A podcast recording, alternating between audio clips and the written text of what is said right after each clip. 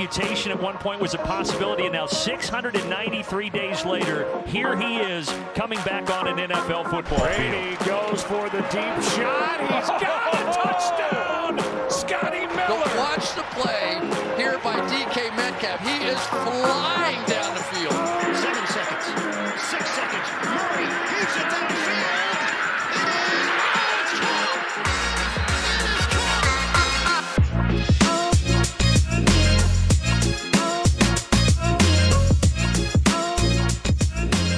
leuk dat je luistert naar de Sport Amerika Fantasy Football Podcast. De eerste van het nieuwe seizoen. En we komen natuurlijk nog een heel aantal keren bij je terug. Zelfs voor het begin van het seizoen. Uh, maar voordat we de, het, het huishoudboekje gaan doornemen, laat ik je vertellen dat ik dat net als vorig jaar niet alleen ga doen. Want ik ben samen met Lars Leefting. Goedemorgen. En normaal gesproken zou ik nu zeggen en Jimmy Driessen. Maar Jimmy heeft eh, technische problemen deze ochtend en eh, kan er daardoor helaas niet bij zijn. Maar wees gerust, in het verdere verloop van het seizoen zal Jimmy vaak genoeg bij ons gaan aanschuiven. Eh, ja, Lars, het is een lange zomer geweest. We hebben natuurlijk wel wat, wat, wat normale NFL-podcasts gemaakt met Sport Amerika. En nu eindelijk dan weer fantasy. Heb je er zin in? Ja, zeker. Ik bedoel, ik- heb net zoals elk jaar weer gezegd dat ik zo min mogelijk ja, league zou willen hebben. Maar daar is inmiddels Dus je al... hebt er 12. Ja, daar gaat het zo langzamerhand wel een beetje naartoe. Dus eh, het is elk jaar weer hetzelfde valkuil waar ik in trap. Eh, dat schiet Ja. niet op. Maar ik heb er zeker wel zin in, absoluut. Ja, nou, wij hebben natuurlijk over de zomer heen ook eh, een aantal drafts al gedaan voor, voor Dynasty Leagues Ja. en Dy- Dynasty Startup dr- drafts en al dat soort leuke dingen meer. Dus eigenlijk is het voor ons nooit helemaal stilgevallen. Maar goed, het seizoen komt er nu echt aan en dat betekent dat we dus ook de, de, de podcast weer een beetje gaan, gaan opvoeren. En dat houdt in dat je tijdens het seizoen vroeg in de week, zoals je gewend bent, de NFL podcast krijgt die dan meestal gehost zal worden door Ton. En later in de week, in de aanloop naar het weekend, zijn wij er weer bij terug om je een beetje sturing te geven voor de keuzes die je moet maken voor je fantasy team. En dan previewen we natuurlijk ook het weekend. Dus dat is allemaal wat gaat gebeuren eh, richting het seizoen als de wedstrijden er eenmaal aankomen. Ik zei al, voor die tijd komen we ook nog een keer bij je terug. Want dan gaan we even kijken naar per positie. Wat zijn interessante spelers? Wat zijn sleepers? Wat zijn busts? Daar, tegen die tijd hoop ik dat Jimmy er ook weer bij is. Maar wat gaan we nou vandaag doen? Lars, wat hebben wij een week ongeveer geleden gedaan? Eh, ja, wij hebben in principe een, eh, ja, een, mock draft gemaakt. In principe een mock draft zoals, eh, ja, zoals je dat normaal doet. Gewoon één seizoen.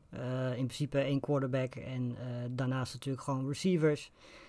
running backs, tight ends, ehm, defense en kickers. Dus eigenlijk gewoon een beetje de standaard variant. Ehm, er zijn natuurlijk heel veel andere varianten. Maar wij hebben gekozen voor deze. Omdat dit uiteindelijk gewoon de meest gespeelde zal zijn. Ook onder de mensen die iets minder ver en iets minder diep erin zullen zitten. Ja. En eh, ja, daar zijn best wel wat eh, aparte dingen uitgekomen. Ja, de reden dat je dus een mock draft doet, hè, is om je voor te bereiden op de echte draft. Want je ziet dan wat voor keuzes mensen, mensen maken op het moment dat een draft op een bepaalde manier verloopt. Dan weet je, dan kun je, als je dat al een keer hebt gezien in een mock draft, in je echte draft veel beter aanvoelen welke spelers op welk moment waarschijnlijk van het bord gaan. Dus dat is de reden om eh, te oefenen met mock drafts. En dat is voor ons de reden om er eentje te organiseren met niet alleen wij drie, maar ook de rest van de NFL-redactie van Sport Amerika. En eh, omdat een draft wel leuk is met 12 man, hebben we daar nog een aantal andere mensen bij gevraagd. Eh, mocht je luisteraar zijn van de eh, NFL op woensdag podcast, dan heb je al gehoord dat Klaas-Jan en Pieter daar hun teams al een beetje hebben verteld. Dus die waren er inderdaad bij. En verder vrienden van de show, Angelo van Damme en Frank Metsmakers. En volgens mij heb ik ze dan alle 12 genoemd, denk het wel. Eh, in ieder geval, zo kwamen we tot een, een, mooie, een mooi rijtje Nederlandse NFL-kennis. En met hen hebben we dus een, eh een gedaan. Nou ja, en dat begint natuurlijk altijd met de very first pick. En nou ja, eh, schokkende pick. Eh, Lars, ik, eh, ik geef jou de eer. Ja, was Christian McCaffrey. En, Ja, toonaards, nota bene. Ja, toonaards notabene inderdaad. Ja, ik persoonlijk had ik er niet voor gekozen. Het is sowieso natuurlijk heel moeilijk, omdat je, ja, dit jaar heb je echt wel heel veel running backs die heel dicht bij elkaar zitten. Eh, en zeker natuurlijk sinds eh, vorig jaar eh McCaffrey amper tot niet gespeeld heeft, zijn er toch wat meer twijfels denk ik gekomen. En is dat toch iets dichter bij elkaar gekomen. Maar ja, in deze mock draft ging McCaffrey inderdaad gewoon als eerst. Ja, wat jij zegt, jij zou het niet gedaan hebben. Dat verbaast me enigszins. Voor mij is CMC op dit moment nog wel de duidelijke 1.1. Ja. Wie zou jij daar dan nemen? Ik zou in principe Delvin Cook gekozen hebben. En dat heb ik dan dat- ook met de tweede pick gedaan. Eh, Ik, eh, nou, dat, die geef je meteen weg. En meteen na jou kwam eh, Frank Metsenmakers met Derrick Henry. En dat is voor mij de naam die ik wellicht in redraft leagues, dus hè, de, de, de één jaar durende leagues, Ja. ehm, als enige alternatief voor McCaffrey. Ik vind Cook vrij inwisselbaar, maar Henry heeft ja, toch iets wat anderen niet hebben. Kan namelijk door stenen muren heen lopen. En eh, heeft natuurlijk volgens mij drie seizoenen op rij twa- 2000 yards eh, gerend. Eh, of 2000 yards from scrimmage, ik ben me daar even niet op vast. Maar in ieder geval eh, meer laten zien dan CMC. CMC natuurlijk geteisterd door blessures. Ja. Dus ik, nou, ik, ik zou kunnen leven met Henry op 1.1. Cook op 1.1 zou ik niet zo heel snel doen. Ehm, maar goed, dat hier eh, vroeg in de draft allerlei running backs worden gekozen, dat is niet vreemd. Want als je eenmaal McCaffrey, Cook en Henry hebt gehad, dan weet je dat Camara en Taylor daar snel achteraan komen. Die vijf, dat is, nou ja, mag je verwachten, de redelijk standaard begin van elke normale draft. Daarna wordt het spannend, want op 1.6 kun je allerlei kanten op. En onze, eh, onze draft, die viel op dat moment aan Pieter van eh, de NFL op woensdag podcast. En hij ging Nick Chubb en opende daarmee een beetje de floodgates. Want eh, ja, hier begon onze draft heel running back heavy te worden. Ja, daarna kwamen Barkley, Elliott, Jones en Akers. Nou, ja, van die laatste kennen we het verhaal natuurlijk allemaal nu. Dus die Ja. zal waarschijnlijk niet meer op deze plek gekozen gaan worden. Ehm, maar ja, er staan wel een paar namen tussen. Elliott natuurlijk, die, eh, die was vorig jaar teleurstellend. Eh, maar goed, we zagen ook onder, hè, onder Prescott dat hij heel erg goed was. En Prescott keert natuurlijk komend seizoen terug. Eh, nou goed, Aaron Jones, eh, ja, Nick Chubb hebben we natuurlijk vorig jaar ook goed zien presteren. Eh, van Barkley weten we als hij fit is, dan is, hoort hij eigenlijk bij die eerste vijf namen. Maar goed, de vraag is, is hij fit? Dat is ook de enige reden dat hij waarschijnlijk Ja. zo ver is ge- gevallen. Ehm, ja, weet je, op Ekers na, die kun je dus nu wegstrepen. Zijn dit allemaal gewoon jongens die normaal gesproken na Ja. de eerste ronde niet meer beschikbaar zouden moeten zijn? Nou ja, het interessante is natuurlijk dat je op 1.6, 1.7 ook zou kunnen gaan voor hè, Tyreek Hill, Ja. Stefan Dix, die komen we zo meteen tegen. Ik moet trouwens voor verder gaan even een kleine correctie, want de Nick Chubb pick die was van Klaas-Jan en Pieter die had eh, Cam Akers. Ik haal dus even door, dat komt namelijk zo, eh Klaas-Jan zijn nickname is Groningen de Koningen. En eh, ik lees Groningen en mijn hoofd gaat somehow eh, eer- eerst naar Pieter. Dus dat is, Pieter kan bij deze de stad Groningen voor zichzelf claimen. Eh, maar verderop staat inderdaad Pieter zelf nog in het schema. En die had inderdaad Cam Akers eh, gekozen. Maar dat betekent dus dat bij ons de eerste 10 picks zonder uitzondering allemaal naar running backs gingen kijken. En dit is precies zo'n moment waarom je mock drafts eh, oefent. Omdat dit niet is hoe de meeste standaard mocks gaan. Een, een, een Elliott, een Akers, een, die willen nog wel eens, zeker ook Chubb en Jones, zitten eerder eind eerste ronde, begin tweede ronde. En dan, da- dan zitten er dus normaal gesproken wat wide receivers tussen. Ja. Nou, die zaten er nu dus niet tussen. Wat voor mij een opvallend was, want ik had eigenlijk een beetje gerekend. Ik had zelf de elfde pick, dus ik ben nu aan de beurt. Ik had zelf een beetje gerekend dat een Chubb, een Jones nog wel beschikbaar zou zijn. Dat bleek niet het geval. Ja, dan het rijtje running backs dat nog over was op dat moment, eh, trok me niet voldoende aan. En dus nam ik als allereerste een, eh, wide receiver eh, van het bord, Tyreek Hill. En dat is in mijn ogen ja, toch momenteel wel de nummer 1 wide receiver die je kunt oppikken. Of zie jij dat anders?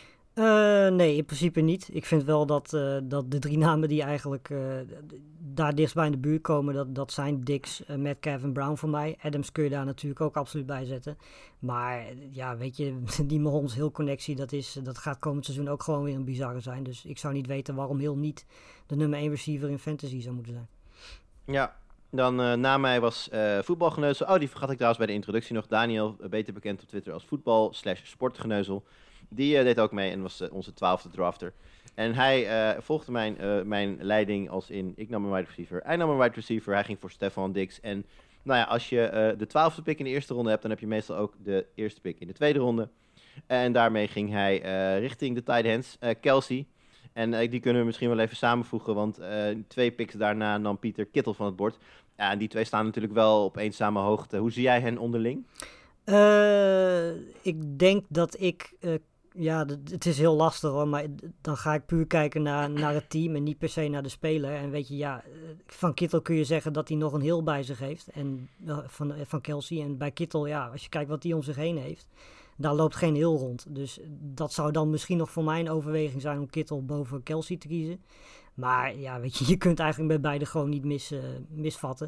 Het is natuurlijk wel zo dat, dat Kittel natuurlijk qua quarterback een wat eh, minder duidelijke situatie heeft dan dat Kelsey heeft. Want Kelsey heeft natuurlijk wel Ja. Mahomes als quarterback. Ja, en Kittel heeft eh, volgens mij ook een iets lastiger verleden als het gaat om blessures. Ja. Volgens mij beide voorgaande seizoenen wel wat wedstrijden gemist. Kelsey wat dat betreft toch een iets stabielere factor. Voor mij, voor mij zou de eerste pick zeker, of de eerste tight end pick zeker naar Kelsey gaan. Maar dat ze dicht bij elkaar in de buurt zitten, dat vind ik absoluut niet verrassend. Ehm, Vervolgens gaan van het bord DeAndre Hopkins als derde wide receiver. Vind ik dat vrij, vrij rich, maar oké. Ehm, Angelo en, Ji- en Jimmy die pakken hun tweede running back. Eh, Angelo had al Elliott, voegt daar Eckler aan toe. En eh, Jimmy had al Barkley en voegt daar Gibson aan toe. Vind ik een hele goede van Washington. Verwacht ik heel veel van. Maar waar ik even naartoe wil, eh, ja, dat is toch wel een hele opvallende, denk ik. Halverwege de tweede ronde haalt Klaas-Jan Kyle Pitts van het bord. En eh, nou ja, ik zei al, Jimmy is er vandaag niet bij door technische problemen, maar heeft wel eventjes een lijstje notes doorgestuurd. En eh, Jimmy geeft aan eh Pitts als tight end 3 gekozen, nog voor een Waller of een Hawkinson. Ja, vindt hij opvallend. Eh, vooral ook, zegt Jimmy erbij, eh tight ends presteren over het algemeen nog niet zo goed in hun eerste jaar in de NFL. Ja. Ja, en dat maakt dit natuurlijk wel een hele vroege pick. Nou ja, het- ik vind het vooral opvallend dat hij bijvoorbeeld voor een Waller gekozen wordt. Dat, dat eh, weet je, op zich achter die drie zou ik het niet zo gek vinden als Pitts vaker als, als tight end 4 wordt gezien. Eh, m- mede vanwege het feit dat Pitts natuurlijk al, ja, weet je, een fantastische tight end is en eigenlijk gewoon de receiver is. En als je kijkt wat voor quarterback hij heeft. En het feit dat Julio Jones weg is gegaan bij de Falcons betekent wel dat hij heel veel kansen gaat krijgen. Eh, dus ergens is het te begrijpen, maar dit is, dit is inderdaad wel heel erg vroeg. En om hem voor een Waller te zetten, dat, dat gaat mij inderdaad ook wel heel erg ver. Ja. Ja, want eh, zeker ook als je kijkt, eh, je vergelijkt het nu dan met een Waller of een, een Andrew. Of, nou ja, Waller, maar bijvoorbeeld Andrews, Hawkinson Ja. stonden inderdaad ook nog op het bord. Eh, en dat is als je je blind staart op de tight ends. Ik bedoel, het is toch helemaal niet gezegd dat je met deze pick een tight end moet pakken. Zeker niet als je kijkt wat er daarna nog van het bord gaat. Ja. Devante Adams, laat in de tweede ronde. Nou moeten we daar, wij daar natuurlijk wel even bij zeggen dat wij deze mock draft begin vorige week hebben opgenomen. Ja. Ehm, in de tussentijd eh, zal jou eh, wel bekend zijn, heeft eh, Rodgers een nieuw contract getekend bij, bij Green Bay. Ja, en dat verandert natuurlijk hoe het er allemaal uitziet voor een Adams, maar ook, je zei het al, een Jones. Zeker. Ja, dus, dus Adams staat nu bij ons op 2.8, de achtste keuze in de, in de tweede ronde. Verwachten we eigenlijk wel hoger tegen de tijd dat het echt gedraft gaat worden. In ieder geval eerder van het bord dan bijvoorbeeld een DeAndre Hopkins.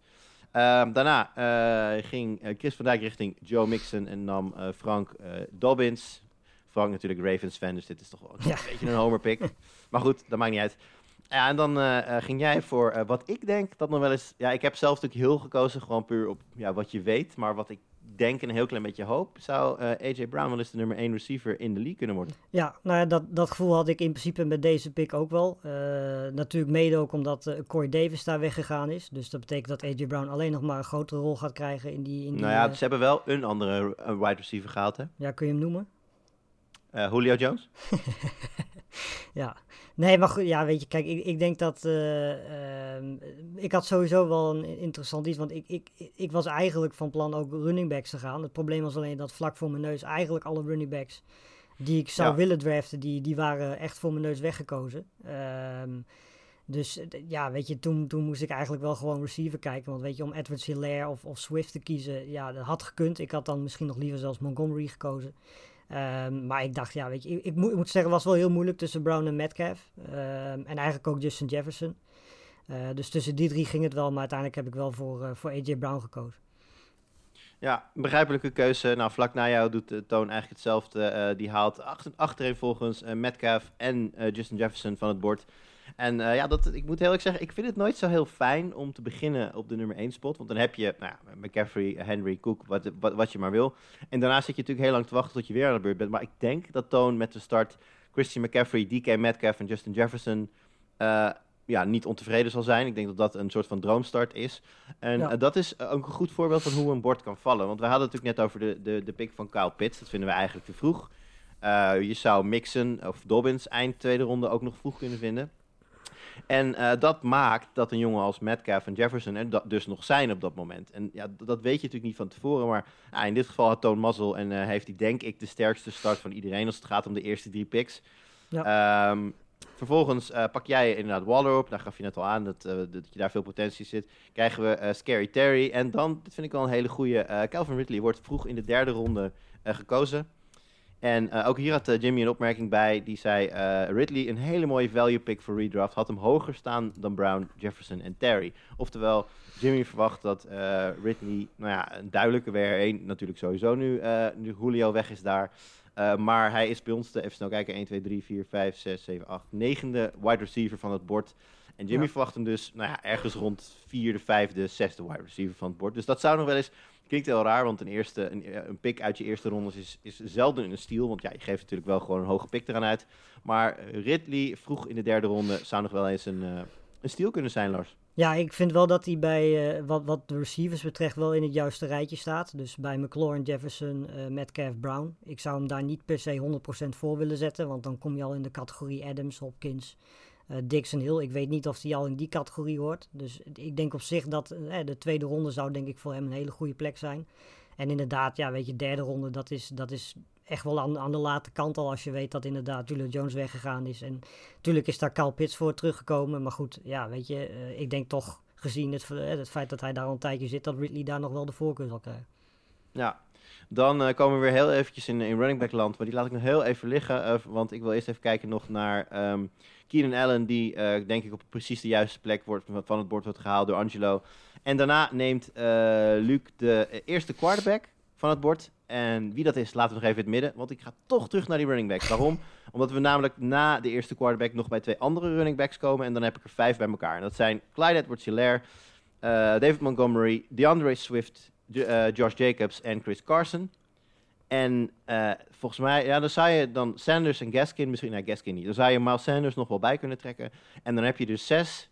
Ja, hoe moet je dit om- omschrijven? Zijn dit nou echt van die running backs die je eigenlijk liever niet, niet wil, of in ieder geval niet als je running back 2, maar als je op dit moment nog geen tweede running back hebt, dan moet je hier wel. Ja, nou, in principe inderdaad precies dat. Ze zitten eigenlijk niet bij, bij dat, eh, dat rijtje inderdaad met Mixon, Dobbins, eh, Gibson, Eckler. Daar horen ze niet tussen.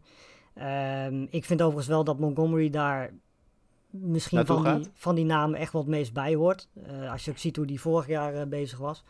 Ehm, maar dat zal ook deels te maken hebben met eh, hoeveel Justin Fields gaat spelen. Want die zal, als die speelt, ook heel veel kansen krijgen om zelf te rennen. Ehm, maar ja, weet je, in principe zijn dit namen waarvan je weet ze gaan wel goed presteren. Maar je weet niet precies of ze beter gaan presteren dan verwacht of minder. We hebben natuurlijk vorig jaar Edward Hilaire eh, aardig zien beginnen, daarna weg zien zakken. Eh, van Swift weet je het gewoon niet, omdat ja, de Lions blijven wel de Lions. Ehm, ja, Jacobs heeft natuurlijk concurrentie erbij gekregen. Eh, van Carson weten we eigenlijk ook dat hij vaker geblesseerd is dan niet. Ehm, dus ja, je zit hier wel in een, een, een rijtje met running backs waar je Ja. in tegenstelling tot de eerste twee tiers die we net genoemd hebben, toch wel wat meer vraagtekens zijn. Ja, eh, wat je zegt over Carson kun je natuurlijk ook invullen voor Miles Sanders. Hè. Die heeft ook Ja. eh, door, de, door de jaren, jaren, zo lang speelt hij nog niet, maar redelijk wat wedstrijden gemist. Ja. Eh, toch, hè, die zes nog eventjes. Eh, ik proef bij jou een lichte voorkeur voor Montgomery dan, uit, Ja. die, uit die zes. Ik zou zelf heel erg twijfelen tussen Clyde Edwards-Hilaire en Swift. Swift simpelweg omdat ik hem denk ik van deze zes de beste speler vind. En eh, toen hij eh, bij Detroit ook de kans kreeg om, om echt de RB1 te worden daar, toen pakte hij die kans ook. Nou is het bij Detroit ook altijd even afwachten. Eh, ze zullen niet het beste team in de NFL zijn, om het zo maar even te zeggen. Dus hoeveel kansen hij op de grond gaat krijgen, dat is natuurlijk een vraagteken. Dus ik denk dat ik gegeven deze zes keuzes toch zou gaan voor, net als Ton heeft gedaan, voor Clyde Edwards-Hilaire. Ook omdat ik denk dat hij, zijn usage is niet in gevaar in ieder geval. Ik denk dat er redelijk wat pech bij heeft gezeten vorig jaar ook. Momenten dat hij eigenlijk een touchdown had kunnen slash moeten pakken. Dat hij werd gestopt op de, op de, op de 1-yard line of de half-yard line zelfs. Ja. Ehm, ja, het, is voor hem, hij is natuurlijk ook weer een jaar ouder, een jaar wijzer. En ik verwacht eigenlijk een, een, een beter jaar van hem dan vorig jaar. En dat is opvallend, want volgens mij was hij vorig jaar net wel net niet een top 10 running back. Dus ja, als, dat, als, dat, als ik voorspel dat hij een beter jaar gaat hebben dan vorig jaar, dan zou hij ja, toch op de een of andere manier toch weer moeten gaan inbreken bij de jongens die allemaal in de eerste ronde zijn weggegaan. Dus dat, eh, dat zou eh, iets goeds kunnen voorspellen voor Edward Hilaire. En zeker ook in die offense, offense natuurlijk zullen vaak voorstaan krijgen. Zullen, hij zal veel eh, kansen krijgen op de grond. Dus voor mij is in dit rijtje Edward Hilaire degene die ik nog liever zou hebben dan, dan de rest. Nou, nou ja, Montgomery is natuurlijk, daar hebben we het vorig jaar in de podcast ook wel over gehad. Montgomery is natuurlijk wel een hele zekere pick, want die was vorig jaar echt, nou ja, bijna elke wedstrijd kwam die wel boven de 10 punten uit. Je weet gewoon van hem in ieder geval wat je kunt verwachten. Je weet ook dat hij, nou ja, redelijk blessurevrij is. Ja. Ehm, en dat zijn bij, die, bij, bij Swift en Edwards Hilaire zijn de ups en downs toch gewoon groter. Ehm, dus op, ba- weet je, op basis van speler en qua talent zou ik ook absoluut die twee boven Montgomery zetten. Maar ja, weet je, in de derde ronde als je zegt van ik wil echt een running back hebben waarvan ik weet eh, dat ik daarop kan vertrouwen, dan zou ik toch eerder voor Montgomery gaan. Ja. nou hebben we deze zes genoemd. Hè? Nog heel even kort voordat we doorgaan naar de, naar de quarterbacks. Ehm, ik heb zelf, die, die pick heb ik net overgeslagen, omdat we het toen over, over Kelsey en Kittle hadden. Maar daartussen ja, had ik een pick en ik nam daar Najee Harris. Dat was de tweede pick van de tweede ronde. Ja. Als je die nou afzet, die value, tegen al de zes namen die we nu hier genoemd hebben, halverwege slash laat in de derde ronde, zou je dan kunnen zeggen dat ik Harris misschien iets te vroeg heb gekozen? Eh, ja, misschien. Ehm, ook omdat we natuurlijk vorig jaar hebben gezien dat heel veel rookie running backs pas laat op gang kwamen. Dus zeg maar mid-eind eh, eh, eind van het seizoen. Ehm, Ja, maar dat is goed, want ik haal, ik haal de playoffs natuurlijk, dus dat is prima. Eh, maar ja, weet je, kijk, Harris is natuurlijk wel het geval dat hij duidelijk daar running back 1 is. Eh, zeker Ja. nu Connor weg is. En daarnaast hebben de, de, ja, weet je, de Steelers natuurlijk ook niet echt de quarterbacks om te zeggen van die gaan 50, 60 keer per wedstrijd de bal gooien. Ehm, dus Harris gaat echt wel de kansen krijgen Ja. eh, vanaf week 1. Ehm, Nou, wat ik, waar ik mij zorgen om maak, en dat is, de- hier ga ik heel e- erg netjes de credits geven aan eh KJ van wederom de NFL Woensdag podcast. Zij hebben heel toevallig het ook over de, over de Steelers gehad en dan met name over de offensive line. En toen heeft eh KJ even de, de mutaties daar doorgenomen. Ja. En eh, zeer terecht aangegeven dat zij waarschijnlijk met vijf nieuwe spelers op de line gaan beginnen. Oftewel een hele nieuwe offensive line. Ja, dan moet je nog maar afwachten hoe dat loopt natuurlijk. Ook met Big Ben. eh, ja, die is redelijk krakkemikkig. Zal zelf niet, heel voor, niet voor heel veel eh, bliksemafleiding kunnen zorgen. Dus ja, de vraag is een beetje die kans die Najee Harris dan gaat krijgen, hoeveel die waard gaat zijn. Ja, nee, ik zou hem op dit moment in het rijtje Montgomery Swift, Edwards Hilaire, Ja. zeg maar, in dat rijtje zetten. Eh, maar ja, weet je, daar waar jij hem nu gekozen hebt, daar zou hij aan het eind van het seizoen, die potentie heeft hij zeker. Ja. Alleen ja, dat, weet je, de vraagtekens zijn op dit moment misschien iets te groot om hem daar nu al in dat rijtje te zetten. Ja. Nou goed, ik zei het al. ehm, tussen al dat running back geweld eh, in nam eh Luc als eerste een quarterback. En dat is niet verrassend Patrick Mahomes. Eh, ja, laat in de derde ronde. Ehm, nou, er zijn natuurlijk best wel wat, wat Mahomes-fans in Nederland. En het is altijd leuk om de, de spelers te draften die je zelf leuk vindt natuurlijk. Als jij het zou moeten inschatten, Las, in de meeste drafts kun je tot de negende pick in de derde ronde wachten om Mahomes op te pikken. Ehm, nou, ja, weet je, ik zou eigenlijk persoonlijk daar sowieso van wegblijven. Maar als je inderdaad een Mahomes zou willen hebben, dan ja, is dit denk ik veel later dan dit zal het niet worden, denk ik. Ik denk dat je, eh, mede natuurlijk ook omdat we in deze mock draft heel veel running backs zagen gaan. Eh, en ook de tight ends. Hè. We hebben nu al vier tight ends gehad. We zitten in de derde ronde. Ehm, weet je, ja, normaal gesproken zou je Mahomes toch, ik denk tweede, misschien begin derde ronde verwachten. Ik denk dat dat wat dat betreft eh, een beetje wat realistische scenario is. Maar ja, weet je, ik zou, ik, ik heb in het begin altijd eh, zeker voor Mahomes gegaan, Mahomes gegaan. Die heb ik ook heel vaak gedraft. Eh, maar ik ben er ook achter gekomen dat daarachter het aantal quarterbacks dat je kunt draften, zeker later, ja, Ja. toch gewoon meer waarde hebt als je ziet wat je hier qua receivers en running backs nog kan, kan kiezen. Ja, ik zit even te kijken of ik hem zo snel kan vinden in de. Ja, hij heeft nu een ADP van 18. eh in, dat is dan bij Sleeper in Ja. redraft leagues. Dus dat zou Ja, de is tweede ronde zijn. Dat zou inderdaad eh, ja, richting, de, richting het midden van de tweede ronde zijn. Dus dat betekent eigenlijk dat als je wacht tot laat in de derde ronde, is de kans dat je Mahomes misloopt vrij groot. Ja. Eh, maar het is natuurlijk wel, kijk, en dat vind ik ook altijd, je kunt best wel eens een keer iemand te hoog draften als het jou een set it and forget it speler, eh, en dat is, dat is Mahomes natuurlijk wel. Je, je, Ja. Daar hoef je maar één keer per seizoen over na te denken, namelijk als hij een bye heeft. En voor de rest eh, kom je er niet aan. Nee, precies. Weet je, dat is natuurlijk ook zo in een, in, in een dynasty. Als je Mahomes draft, hoef je de komende, nou wat zal het zijn, tien jaar geen druk Ja. te maken om quarterback. Hoef je alleen te kijken wanneer hij zijn bye heeft. Ja, ja dat is nog wel een goede wat je daar even zegt. Want eh, wij doen natuurlijk nu dan een draft voor redraft leagues. Dus voor eenjarige leagues. Ehm, ik weet dat er heel wat mensen ook eh, Dynasty League spelen. Ik speel er zelf alleen al drie. Eh, mocht je daar nou een startup draft voor doen, kijk, dan wordt alles anders. Zoals bijvoorbeeld een goed voorbeeld, een DeAndre Hopkins, die vroeg in de tweede ronde gaat. Ja, in een Dynasty valt hij een heel stuk naar beneden door zijn leeftijd. Dat is logisch. Ja. Dus je moet veel, dan moet je veel meer na gaan denken als, over hoe lang heb ik iets aan een speler. Eh, wide receivers worden daardoor waardevoller dan, is, relatief waardevoller dan running backs, omdat ze gewoon langer meegaan. Dus eh, Dynasty is een heel ander spel dan waar wij nu voor aan het draften zijn. Dat, laat dat in ieder geval even duidelijk zijn. Ehm nou, Mahomes van het bord. Ehm, komen we daarna in de vierde ronde terecht tussen uh, voetbalgeneuzel neemt aan het einde van de derde ronde Michael Thomas. Ja, die heeft inmiddels, weten wij, eh, weer wat last van blessures. Dus eh, mist volgens mij zeer of nee, mist zeker het begin van het seizoen en hoopt dan gaandeweg het seizoen weer terug te komen, geloof ik. heb je natuurlijk ook nog de onzekere quarterback situatie daar. Dus ik vind Thomas een. Volgens mij was die blessure toen nog niet bekend. dacht Nee, nee, nee, dat, is hetzelfde, dat, dat, dat bedoel ik. Daarom zeg ik het ook. Dat is het, Ja. eh, hetzelfde als met Cam Akers natuurlijk, die in de eerste ronde werd gedraft door Pieter. Eh, was, die was toen nog fit. Hetzelfde geldt voor Thomas. Eh, het zal naar beneden gaan vallen, maar hij zal nog zeker wel gedraft worden. Ik denk dat het een leuke speler is die ja, wat, wat, in wat latere rondes... Als je een goed team hebt staan en je denkt dat je de playoffs gaat halen, kan Thomas natuurlijk een hele interessante naam zijn om erbij te houden. Om je een push te kunnen geven wat later in het seizoen. Ja. Maar eh, in de derde ronde gaat hij zeker niet komen. Eh voetbal, voetbalgeneusel pikt daarna Miles Sanders op. En ver- vervolgens ben ik aan de beurt. eh, en ik kies daar de enige echte AR-12. Oftewel Allen Robinson van de Chicago Bears. Ehm, ja, sorry, ik kon het niet laten hoor. en vervolgens, dat deed ik eigenlijk alleen maar omdat Pieter na mij ging kozen. En die had zeker Allen Robinson gekozen. Maar die ging dan maar voor Julio Jones van Tennessee. Nou weet ik dat Pieter de Titans ook een warm hart toedraagt. Dus dat is vast geen, eh, geen vervelende pick geweest. Eh Miles Gaskin, ja, ik, zei, ik noemde hem net al heel even. We hadden net dat reisje van 6. Daar past hij voor mijn gevoel net niet in. Zit hij onder.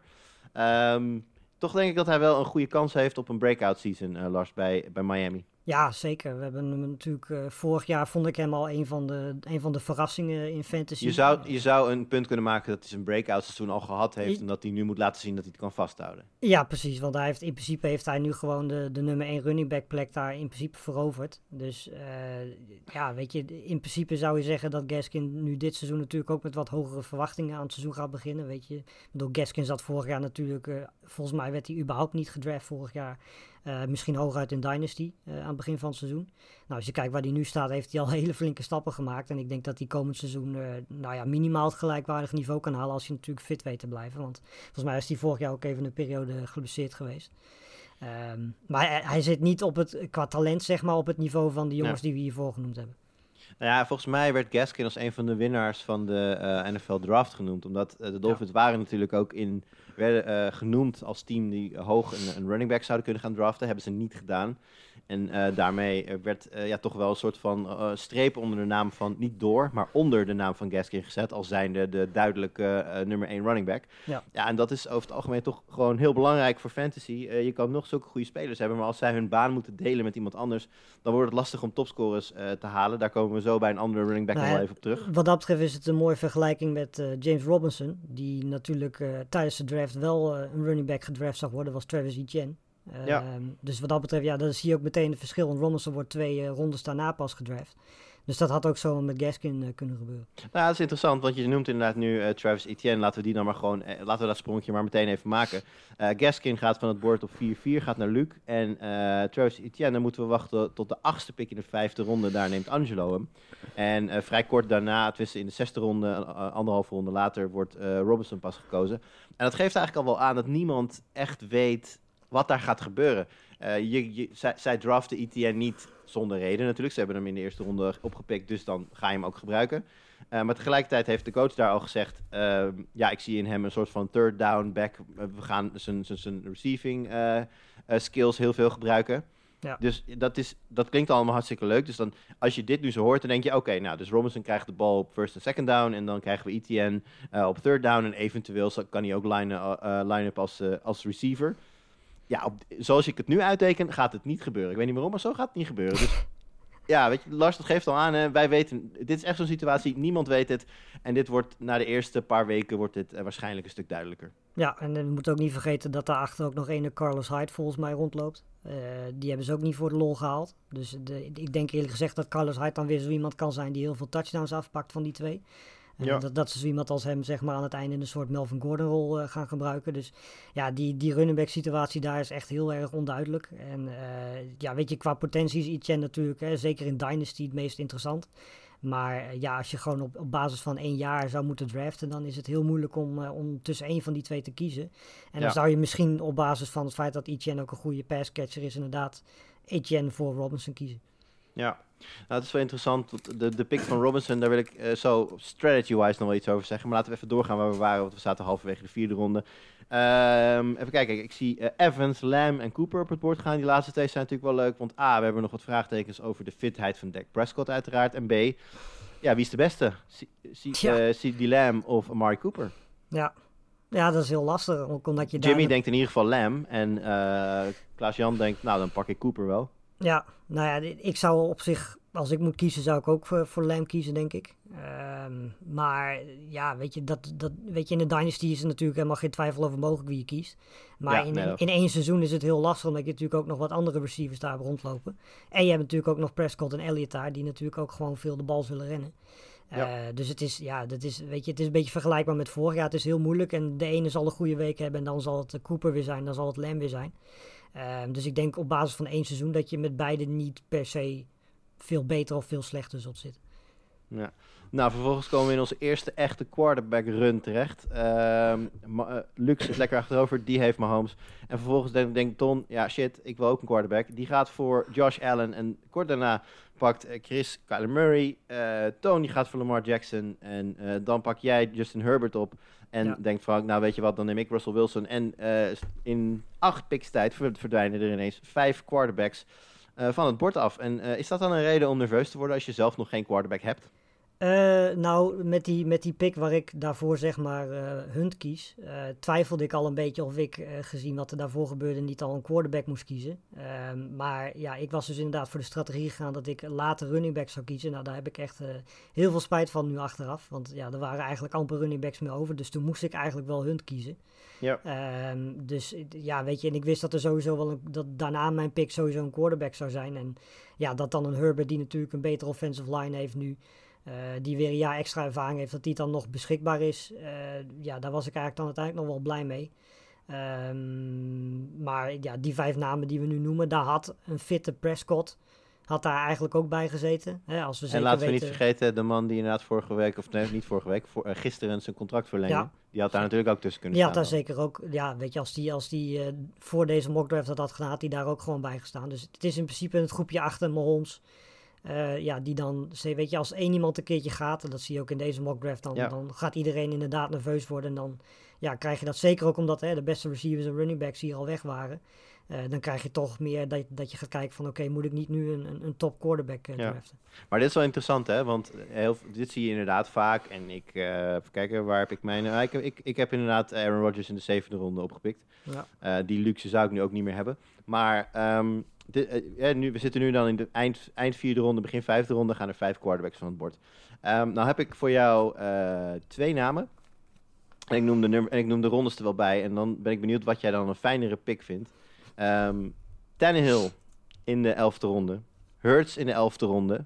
Versus Allen halverwege de vierde ronde. Murray eind, eind halverwege de vierde ronde.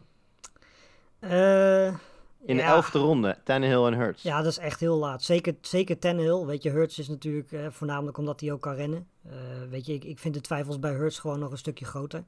Eh, maar ja, Tannehill in de elfde ronde, als je ziet wat hij de afgelopen paar jaar gedaan heeft, weet je, de- het lijkt wel net alsof eh, die, die underrated, zoals dat in het echt ook zo is, dat dat in fantasy doorgaat. Want ja, elfde ronde is echt heel laat. En als je zo iemand zo laat op kunt pikken, dan zou je eigenlijk bijna zeggen van blijf maar weg. Eh, bij een Murray, bij een Jackson, bij, een, eh, bij de, de mensen die dan als Ja. zeg maar mindere passers worden gezien. Want ik zou Allen in de vierde ronde heb ik op zich geen problemen mee. Nee, want als je inderdaad kijkt, er zijn op dat moment eh, na die openingsfase van quarterbacks, zijn er zes mensen met een quarterback, zes mensen zonder quarterback. Ja. En die mensen zonder quarterback, die pakken uiteindelijk als starting quarterbacks op Stafford, Brady, Prescott, Rodgers, Tannehill en Hurts. Ja. Dat zijn, dat zijn de, de- starters die daarna dan nog worden gedraft.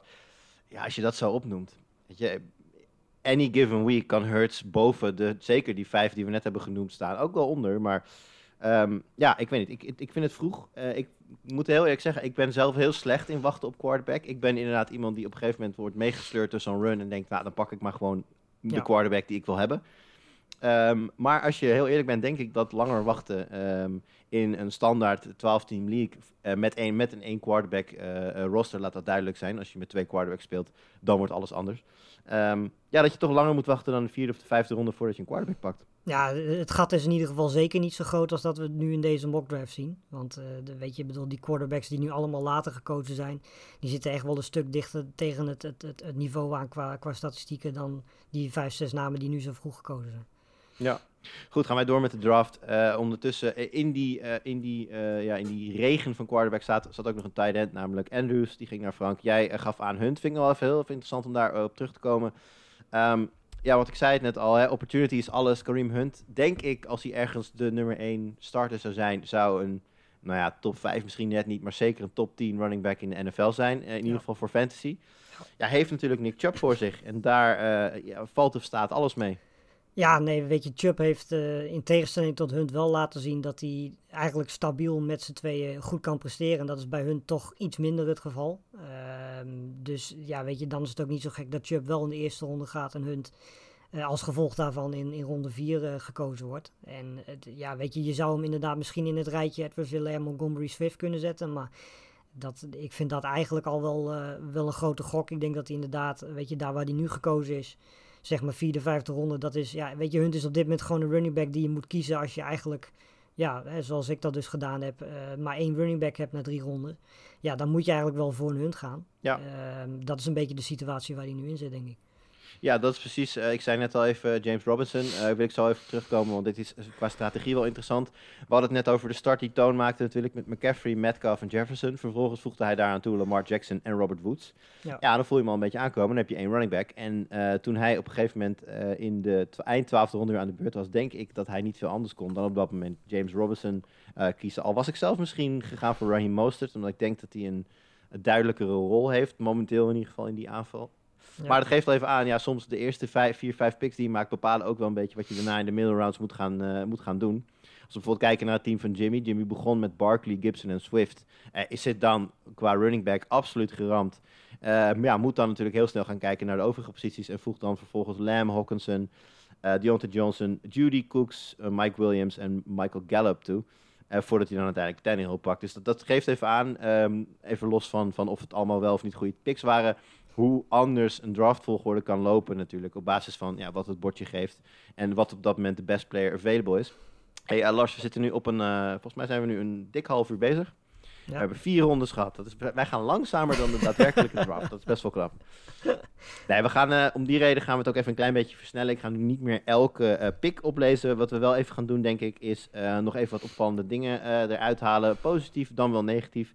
En ik begin even met een vraagteken, want ik zie hier in de elfde pick, in de vijfde ronde, heb ik zelf Mike Davis genomen. Nou, dat is voor mij natuurlijk geen vraagteken, want ik geloof erg in de kansen van Mike Davis bij Atlanta.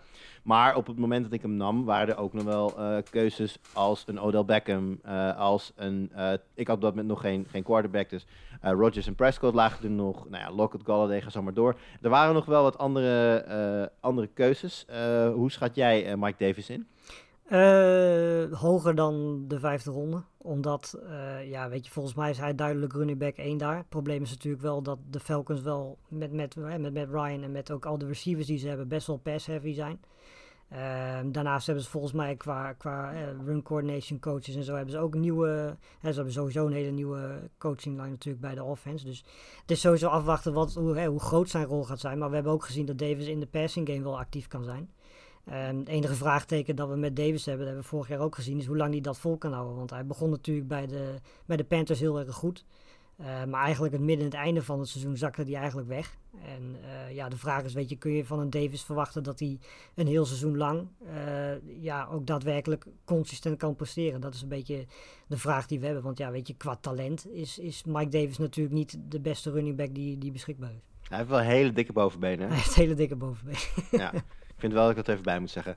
Ehm, eh, ik, ik geef jou zo de kans om eventjes een, eh, in de komende rondes een positieve en negatieve eh, pick eruit te vissen. Dus kijk daarvoor al naar. Ik vis ondertussen even Dak Prescott nog eruit, die in, bij ons in de zesde ronde gaat. En daarvan zegt Jimmy... opvallend, verrassend achter Wilson en Herbert. Het is Jimmy zijn vierde of vijfde quarterback. Dus nou ja, we zeiden het net al een beetje toen we natuurlijk over dat rijtje aan het praten waren. Die vijf die achter elkaar gingen. Dat Dak Prescott daar in feite ook wel bij hoort. En ja, en dit is ehm, typisch Klaas-Jan. Dit wisten we ook van tevoren dat dit ging gebeuren. Maar eh, in de zesde ronde haalt Doe dit vooral niet na. Just, dit, eh, don't try this at home.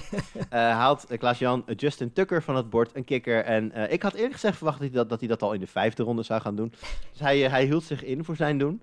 Eh, nee, kijk, ehm fantasy voetbal draait om eh, de skill players. Primair eh, quarterback is wat breder verkrijgbaar, dus heeft daardoor iets minder urgentie. En kikkers zijn voor een heel belangrijk deel inwisselbaar. Nou is Justin Tucker wel de beste kikker in de NFL, vind ik. Maar niet zo goed dat hij eh, je heel veel meerwaarde gaat opleveren als je hem zo vroeg neemt. als je een keer een kikker in de twaalfde, dertiende ronde van het bord haalt, vind ik dat nog steeds te vroeg. Maar als je dan zegt van ja, maar ik vind Just, Justin Tucker zo goed, ik wil hem per se in mijn team, dan zou je er, hè, als de late rondes beginnen, over na kunnen denken. Maar de meerwaarde van, nou ja goed, ik hoef over de huidige eh, eh, spelers niet eens te praten. Want eh, Tucker gaat, op het gaat van het bord terwijl Melvin Gordon, DJ Chark er nog staan. James Robinson was nog niet. De meerwaarde van die jongens op je roster gaat altijd groter zijn dan een, eh, dan een Tucker. In de eerste 6, 7, 8 picks ben je gewoon bezig met je starting line-up bij elkaar te draften. Als het gaat om quarterbacks, running backs, wide receivers en tight ends. En de, tuk, eh, de, de, de Tuckers, ja hoor, de kickers en, de, en de defenses, die komen allemaal later. Maar niet als je met Klaas-Jan draft, want dan is Tucker gewoon weg naar de zesde ronde. Kan je vergif op innemen. Goed, heb jij eh, kunnen kijken, Lars, naar, ik geef je, nou, laten we zeggen, ronde 6, ronde 7. eh, wat jij daar in een mooie en een wat minder mooie pick. Nou, de minder mooie pick, die heb ik er vast uitgevist, maar er zit er Ja. vast nog wel een tussen. Eh, nou ja, ik vond vooral de Melvin Gordon en Williams, hè, de twee running backs van Denver, vond ik interessant. Want ja, weet je, ik heb nog steeds het gevoel dat, dat Williams, nou ja, misschien niet de eerste paar wedstrijden, maar in de loop van het seizoen de, de running back 1 gaat zijn daar. Eh, met als enige probleem dat Gordon waarschijnlijk alle touchdowns gaat afpakken van hem. Eh, want ja, ik heb een beetje het gevoel dat het zo gaat werken. Ehm, Ja, is het, jij bent, eh, we hebben het hier vaak over gehad, over, ook rond de draft. Jij was natuurlijk meer ingelezen in de draft dan, dan wie dan ook. in Nederland, volgens mij.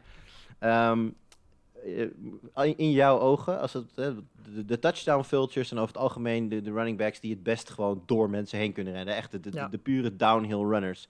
Ja. Is dat dan meer Melvin Gordon of meer Williams?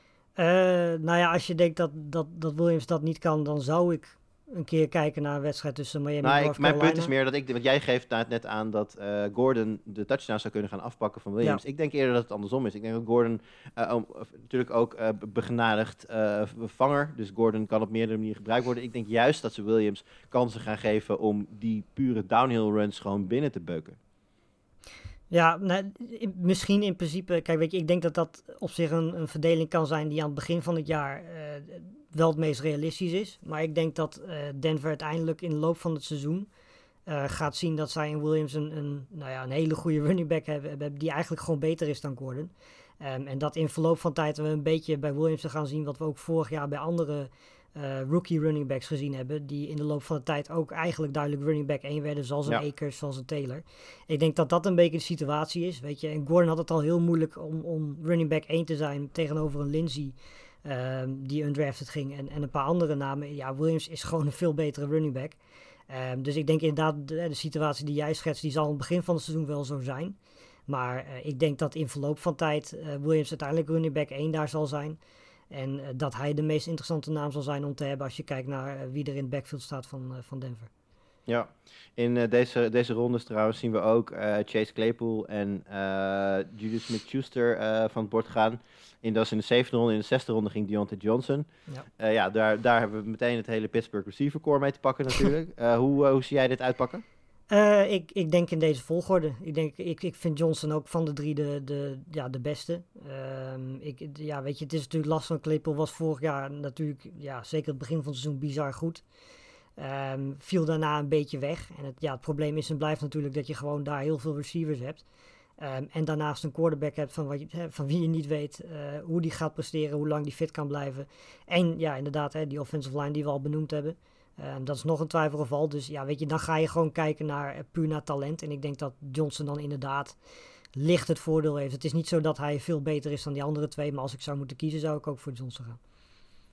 Alright, ehm, gaan wij lekker door met, eh, met deze draft. Ehm, kijken. Ja, ik had nog hier een noot van, eh, van Jimmy bij. Die zei eh, in de zevende ronde eh, heel veel goede value wide receivers. Nou ja, Sutton inderdaad is een, denk ik een goede pick. Judy kan interessant zijn. Beide hebben natuurlijk wel het nadeel dat de quarterback situatie in Denver op zijn best een vraagteken is. Eh Debo Samuel en nog Robbie Anderson, de ultieme boom or bust guy. Tenminste, dat was hij vorig jaar natuurlijk iets meer, iets meer dependable geworden bij, bij Carolina. Ehm, ook in de achtste denk ik. Kijk, dit is precies waarom je dus ehm, in deze rondes waarde blijft toevoegen aan je team. Dus gewoon goede spelers die op het moment dat je uh, blessures krijgt, want die ga je krijgen, uh, die, dat je die gewoon kunt inzetten. Uh, neem een, een, Tyler Boyd, zal niet de eerste keuze zijn in Cincinnati, maar ja, op het moment, jij hebt, ik, heb, ik zit nu toevallig even naar jouw team te kijken, die pak jij met de elfde pick in de achtste ronde. Ja, ja je bent natuurlijk met, met AJ Brown en dan wat, flink later met Sutton kom je terug. Uh, dan kun je een Boyd goed bij hebben. Omdat als uh, Sutton toch niet zo succesvol blijkt te zijn. of uh, eventueel geblesseerd raakt. ja, dan heb je gewoon een andere wide receiver nodig. Ja. Die vond je op dat moment dus interessanter dan wat er verder nog op het bord stond. Lavisca Chenot, Landry. Rashad Bateman, ja, dat snap ik uh, wel. Ja, ik, ik heb getwijfeld over, over duo uh, Fuller-Waddle. Nee, niet over, dat was daarna al, sorry. Nee, ik, ik heb, weet je, als je kijkt wat er daarna komt... Uh, nee, het is andersom, hè. Die, uh, Fuller, Waddle en Fuller gingen eerst van het bord, daarna naar Ja, precies. Ja, nee, ik kijk even verkeerd. Ik bedoel, weet je, Landry was volgens mij samen met Mike Williams... dat waren wel twee waar ik over twijfelde. Omdat, ja, zeker Mike Williams natuurlijk een fantastische quarterback heeft. Um, laat ik zo zeggen, als, als Burrow niet, en daar lijkt het nu wel op, uh, op tijd fit zou zijn geweest. En hij zou bijvoorbeeld begin van het seizoen uh, gemist hebben. Dan had ik misschien waarschijnlijk een Mike Williams of een Chenault eerder gekozen. Um, maar ja, weet je, we hebben gezien wat, wat Boyd en eigenlijk al die andere receivers. En dat is natuurlijk wel een dingetje, want er zijn veel receivers in, in Cincinnati. Um, maar we hebben gezien wat hij kan. eigenlijk ook zelfs zonder, zonder Burrow, maar vooral met Burrow ja, weet je, dan is, dan is een Boyd kiezen op deze plek in draft. Zeker als je nog maar twee receivers hebt. Ja. Uh, ja, weet je, dat was voor mij. Ik heb wel heel erg getwijfeld, want vlak daarna ging Carter. En dat, daar ben ik ook een groot fan van. Uh, maar ja, ik moest toen gewoon voor receiver gaan. Toen heb ik Boyd gekozen. Ja, ja dat, uh, we hadden het net al even over. je, je roster bepaalt een beetje wat je moet kiezen. Ik zit heel even te kijken naar het roster van voetbalgeneuzel. op het moment dat we in de achterronde aankomen. Die heeft op dat moment vijf wide receivers, één tight end en één running back. Die is zero, zero running back gegaan in de eerste twee rondes. En uh, dat uh, pakt voor hem op de volgende manier uit. In de vierde ronde pakt hij Miles Sanders op. In de achtste ronde Damian Harris. In de negende ronde Naeem Hines. En in de tiende ronde Tony Pollard. Dus ik ken in ieder geval één iemand die dan erg duimen zit te draaien. Dat, nou ja, we wensen natuurlijk spelers nooit blessures toe. Maar het zou voor voetbalgeneuzel tactisch gezien, als dit een league zou zijn, natuurlijk heel handig zijn. Oh, ik zie trouwens dat hij die uh, tactiek erg aan het aan, uh, aanmoedigen is. Want hij heeft ook Alexander Madison van het bord gehaald enkele, enkele rondes later. En Gamewell. Dat, uh, wat zeg je? En Gamewell ook. Ja, maar hij heeft ook zelf Miles, Miles Sanders. Dus daarmee dekt hij zichzelf natuurlijk ja. in. Ja. ook nog even goed bij stil te staan natuurlijk. Hè, we noemen nu dan de handcuffs. Uh, achtste ronde. Ik vind de achtste ronde misschien vroeg, maar nou, zeker in de negende ronde zou je kunnen gaan kijken van als er op dat moment geen spelers meer zijn die jij uh, ja, echt heel hoog hebt zitten, of je hebt geen hele duidelijke needs, je hebt een hele uh, well-rounded draft. Als je bijvoorbeeld kijkt naar het team van Toon Aarts, die heeft in de, in de achtste ronde pakt hij zijn derde running back op. En daarmee heeft hij drie, drie running backs, drie wide receivers, één quarterback en één tight end. Ja, dan heb je een redelijke basis staan en zou je eens kunnen gaan kijken naar wat voor, ja, wat voor backups er zijn. Want ja, op het moment dat er iets gebeurt met een Delvin Cook, een Ezekiel Elliott, dan worden uh, Tony Pollard, die dus gedraft wordt in de tiende ronde, en Madison, die gedraft wordt in de twaalfde ronde, ja, die komen in de buurt van, van, van RB1-territorie, denk ik. Ja, ja, je moet natuurlijk op deze plek in de draft ook een beetje gaan nadenken. Zeker op running back. Hè. Wie is running back 2 en zou door kunnen schuiven bij blessures van, van de running back 1. Nou goed, weet je, ik bedoel, uh, Fournette, uh, om maar even eentje te noemen, als, als, hè, als, als Ronald Jones wegvalt, is Fournette natuurlijk meteen de eerste optie. Uh, Zach Moss, ja, weet je, dat is natuurlijk alweer een wat groter twijfelgeval, maar ook daarvoor geldt als een Singletary iets heeft. Dan gaat Moss daar de eerste optie zijn. Nou ja, of dus, laten, we, laten we misschien wel het allerbeste voorbeeld noemen van allemaal. In de tiende ronde nam Pieter namelijk Daryl Henderson. Ja. En nou, ja. Nadat, hij, nadat hij zelf natuurlijk ook in de eerste ronde Cam Akers heeft genomen. En dat is puur goede strategie. Je kiest een running back en je kiest ook meteen zijn vervanger erbij. Dat mocht er iets gebeuren met je running back, je in ieder geval zeker weet dat je nog een andere starter uh, op je bank hebt zitten. Die dan de starter wordt. Ja.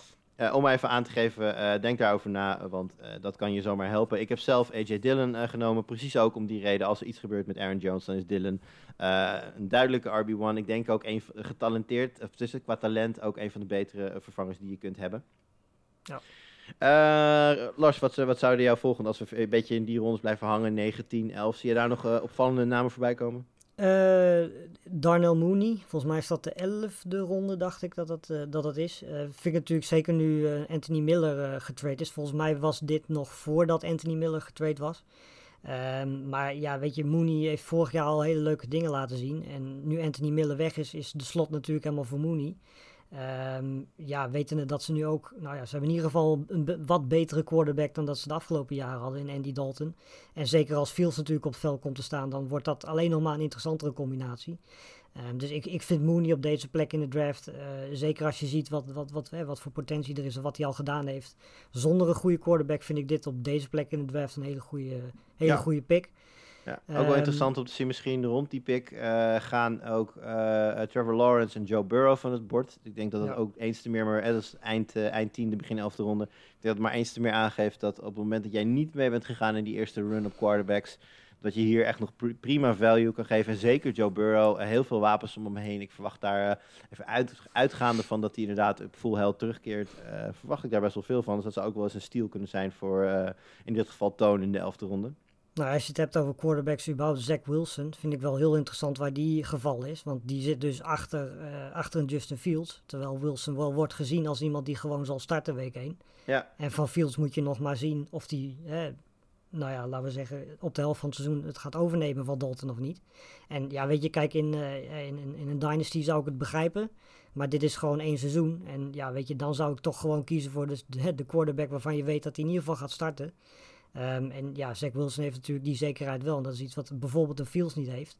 Ja. Ehm, en ja, weet je, bij Burrow moet je natuurlijk ook maar afwachten hè, hoe, die, hoe die blessures eruit zien, hoe zijn offensive line eh, eruit gaat zien en of die eh, het hele seizoen fit kan blijven.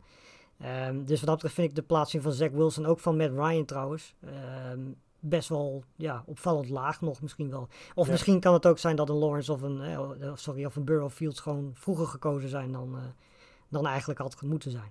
Ja, het zou gewoon zomaar kunnen. In diezelfde eh reeks trouwens ook Kirk Cousins. Ik denk dat in de twaalfde, twaalfde ronde Ja. ook het beste steal zou kunnen zijn. Ehm, kijk, Als je kunt leven met turnovers. ja, absoluut. Ja, het is, eh, het- is jammer dat eh Mr. 3030 geen starter is. Anders hadden we hadden we die natuurlijk ook nog even, nog even teruggezien.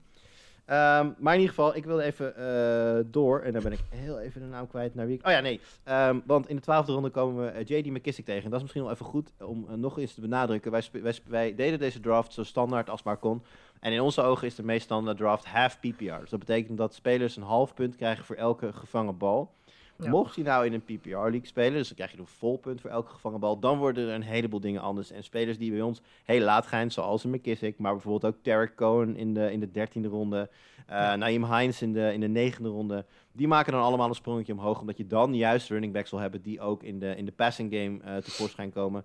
Ik denk nog aan White bij de, bij de Patriots natuurlijk. Ehm, ja, en ik denk trouwens misschien ook wel Gainwell. Ik, die zie ik ook nog wel een rol krijgen in de passing Etienne game. gaat dan ook nog hoger eindigen, denk ik. Sorry, wie? Eh Travis Etienne. Ja, Die nee, precies. ETN eh, is dan, duidelijk, is dan inderdaad duidelijk de, de, de nummer 1 daar. Eh, Dat is altijd regel 1. Zorg dat je weet in wat voor league je speelt voor je draft. Zorg dat je weet wat het scoringssysteem is. En nou, op, daar, op die manier kun je je keuzes gaan bepalen.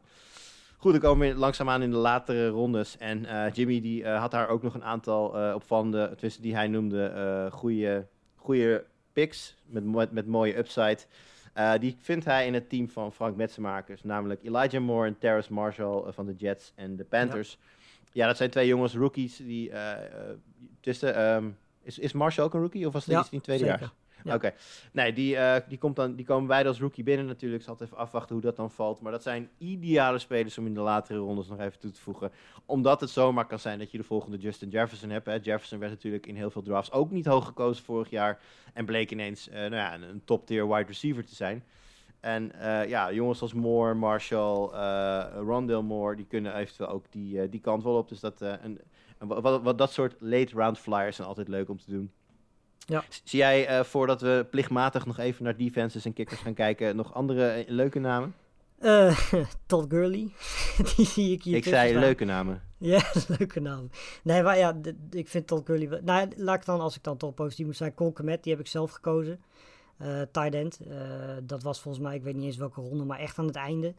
Ehm, ja, ik vind dat wel een hele interessante naam. Zeker als nu, nu ze daar een leuke quarterback hebben. Ik heb Kmet vorig jaar wel een paar leuke dingen zien doen. Ehm, volgens mij is die gewoon tight end 1 daar. En om die als backup achter Waller te hebben, dat, ja, dat, dat lijkt mij heel erg ideaal. Datzelfde geldt overigens voor, voor namen die hierbij staan, zoals Ingram bijvoorbeeld. Eh, Everett bij Seattle vind ik ook een hele interessante, want die gaat dan natuurlijk ook tight end 1 eh, kunnen worden.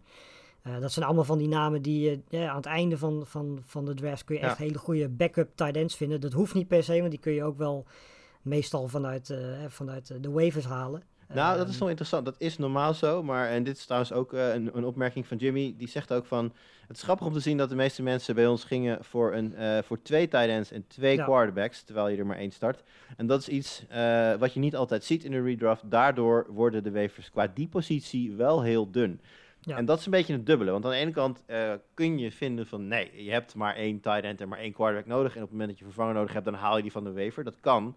Maar als mensen als gekke quarterbacks en tight ends beginnen te stashen, ja, dan zal je mee moeten, want anders grijp Ja. je mis op het moment dat het nodig is. Nou, dat is net zoals met de quarterbacks. eh, Ja. Het begin van de precies dezelfde situatie. Ja. Ehm, ik vind het trouwens wel interessant. Ik zit even te kijken nog naar de tight ends. En volgens mij is Adam Troutman van de Saints bij ons helemaal niet gedraft.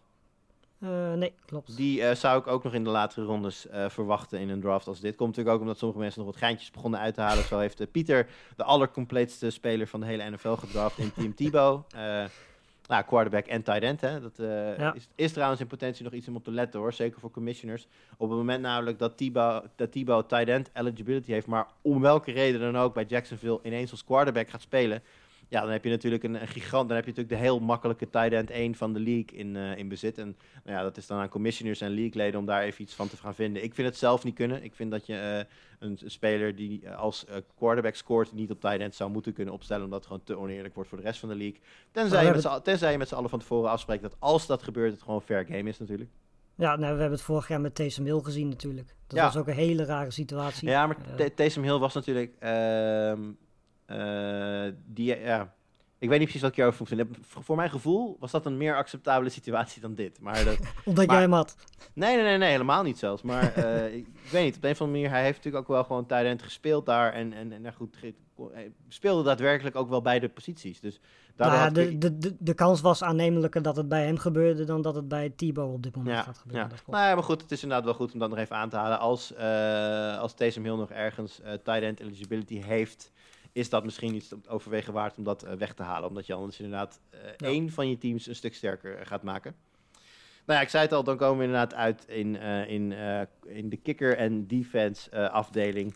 Ehm, ja, het is wel duidelijk te zien. Washington voetbalteam gaat vroeg van het bord. De Ravens, de Buccaneers, dat zijn volgens mij de eerste drie defenses die worden gedraft. Daarna de Patriots, zeg ik het goed? Oh, het was precies andersom trouwens. Buccaneers eerst, dan Ravens, dan voetbalteam.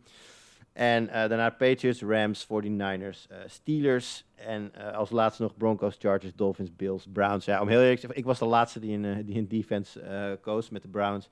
Maar ja, om heel eerlijk te zijn, het is een beetje een coin flip. Eh, over het algemeen worden de, de defenses vaak genoeg teruggegooid en weer opgepikt... dat je ergens gaandeweg het seizoen wel een goed scorende defense kunt, kunt krijgen. Of je kunt ze gewoon streamen, dat wil zeggen wekelijks gewoon een beschikbare defense oppikken... die dan een goede matchup heeft. En er verder niet meer over nadenken. Eh, wilde jij nog woorden gaan vuil maken aan de kikkers? Eh, nee, niet per se. Ik denk dat het, eh, weet je, ik bedoel, dat zit, eh, als je achter Tucker en, en Butker kijkt, zit het volgens mij allemaal heel dicht bij elkaar. Volgens mij zijn Butker en Tucker wel de twee die er bovenuit steken. En ja, de rest daarachter wordt het, weet je, dat is vooral de, voor de laatste twee, drie rondes is dat interessant. Ehm, en het is dan ook vooral kiezen, zodat je er in ieder geval eentje hebt. Ja, ja ik, ik vind zelf Blankenship, die ging als, even snel kijken, vijfde, zesde. eh, vrij laat in mijn ogen. Ik vind dat een hele goede kikker. Die had ik vorig jaar in het team. En moest ik op een gegeven moment door blessureproblemen met pijn in mijn hart, moest ik hem eh, droppen in zijn bye week. Ja. Maar eh, zo gaan die dingen. Je moet, eh, raak vooral niet emotioneel verknocht aan kikkers, want dan eh, kies je zomaar Justin Tucker in de zesde ronde. Goed, eh, tot zover. Ehm, ja, ik heb nog even nagedacht van gaan we hier een winnaar eh, voor uitroepen. Ik, ik neig het zelf een beetje naar toon, ook omdat hij natuurlijk met zijn, eh, met zijn ijzersterke start de toon had gezet. Ha, Ja, je deed voorbereid of niet? en ik denk dat voetbalgeneuzel nooit meer met Zero RB gaat beginnen. want die kan niet heel tevreden zijn, eh, heb ik zo het idee. Ja. Maar hij heeft natuurlijk wel wat trade bait aan boord met zijn, eh, met zijn hooggedrafte wide receivers. Hij heeft wel de pech dat Thomas natuurlijk daar redelijk is weggevallen. Ehm, jij tevreden over wat jij bij elkaar hebt gedraft? Uh, nou ja, op zich wel, alleen ja, mijn begin niet. Weet je, ik bedoel, ik heb expres die tactiek gedaan dat ik dus na de eerste ronde running back, uh, wat later running back zou kiezen. Nou, dat heeft me uiteindelijk best wel pijn gedaan. Dus ik denk dat wat dat betreft uh, een tactiek van, van bijvoorbeeld Jimmy hè, met de eerste drie running backs. ja, meestal ben ik, zit ik daar ook zo in, maar ik dacht ik probeer eens een keer iets anders. En dat, ja, weet je, het is niet extreem slecht uitgepakt, maar ik denk dat ik toch nog steeds liever in de eerste drie rondes twee running backs heb. Ja.